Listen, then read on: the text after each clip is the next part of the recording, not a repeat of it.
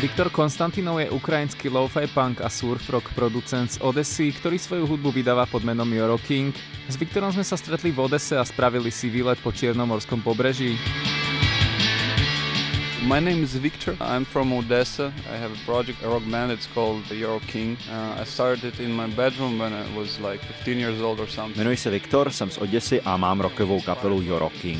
Byl jsem inspirován hudebníky, jako je Magde Marko, The Drums nebo Jak, a všemi kytarovými lo-fi a ne až tak lo-fi projekty. Snažil jsem se dělat takovou hudbu, protože se mi hodně líbila. Hudbu jsem začal nahrávat bez toho, abych rozuměl, jak funguje software, který jsem používal. Vše jsem dělal v GarageBandu.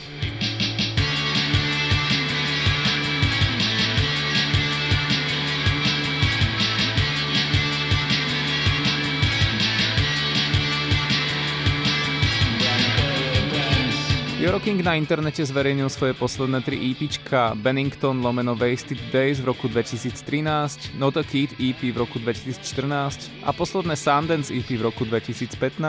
Momentálne sa čaká, pokiaľ Viktor vydá svoj debutový album na už nejaký čas chystanom ukrajinskom labeli Warn Pop, u ktorého album nahrával. I used to record everything by myself. Uh... Od roku 2013 až do roku 2016 jsem všechny zvuky nahrával sám. Až v roce 2016 jsme nahráli album pro Warm Pop, což je hudební label v Kijevě. Já a můj bubeník Kostia jsme odešli do Kijeva na 10 dní a vše nahráli ve studiu. Později jsem do Kijeva jezdil sám, abych donahrál zbytek hudby. Basa, kytary a vokály jsou mé a bubny jsou od Kostia.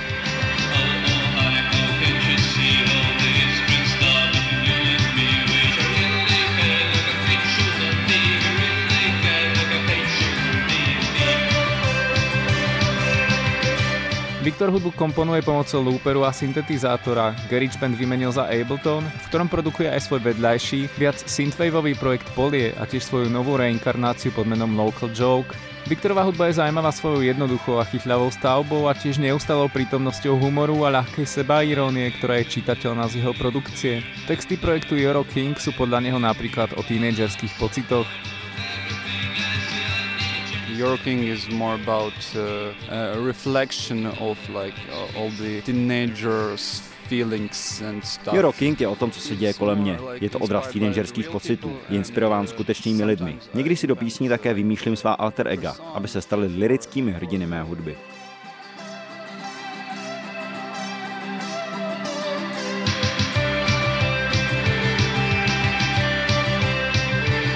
Podľa Viktora je lo-fi punková scéna na Ukrajine oproti podobnej scéne v Rusku nezaujímavá. Z Ukrajiny menuje projekty ako Night Dew Call, zo západov ukrajinského Rivne, Chillerus Odyssey alebo projekt Nier z Charkova. Inšpiruje ho tiež scéna okolo petrohradského labelu Saint Brooklynsburg. Zajímalo ma, ako by Viktor popísal atmosféru Odyssey. When you're in Odessa in summer, it's incredibly hot in here. A lot of tourists around, and the air like is melting. And... Když jste v létě v Oděse, je zde neuvěřitelně horko. Je tady spousta turistů, vzduch taje. Oděsa je velmi pomalá. Myslím, že je to důvod, proč není posedá technem jako Kyjev. V Kyjevě jsou tuny klubů a je to šílená a rychlá megalopolis. Oděsa je menší, nemáme tady metro, ale máme moře. Myslím, že je extrémně líná a to vysvětluje, proč neexistuje tolik kapel, které hrají hudbu. Každý je líný. Lidé jsou dokonce líní hledat hledat dobrou hudbu, která je má inspirovat. Prostě neví, co je v pohodě.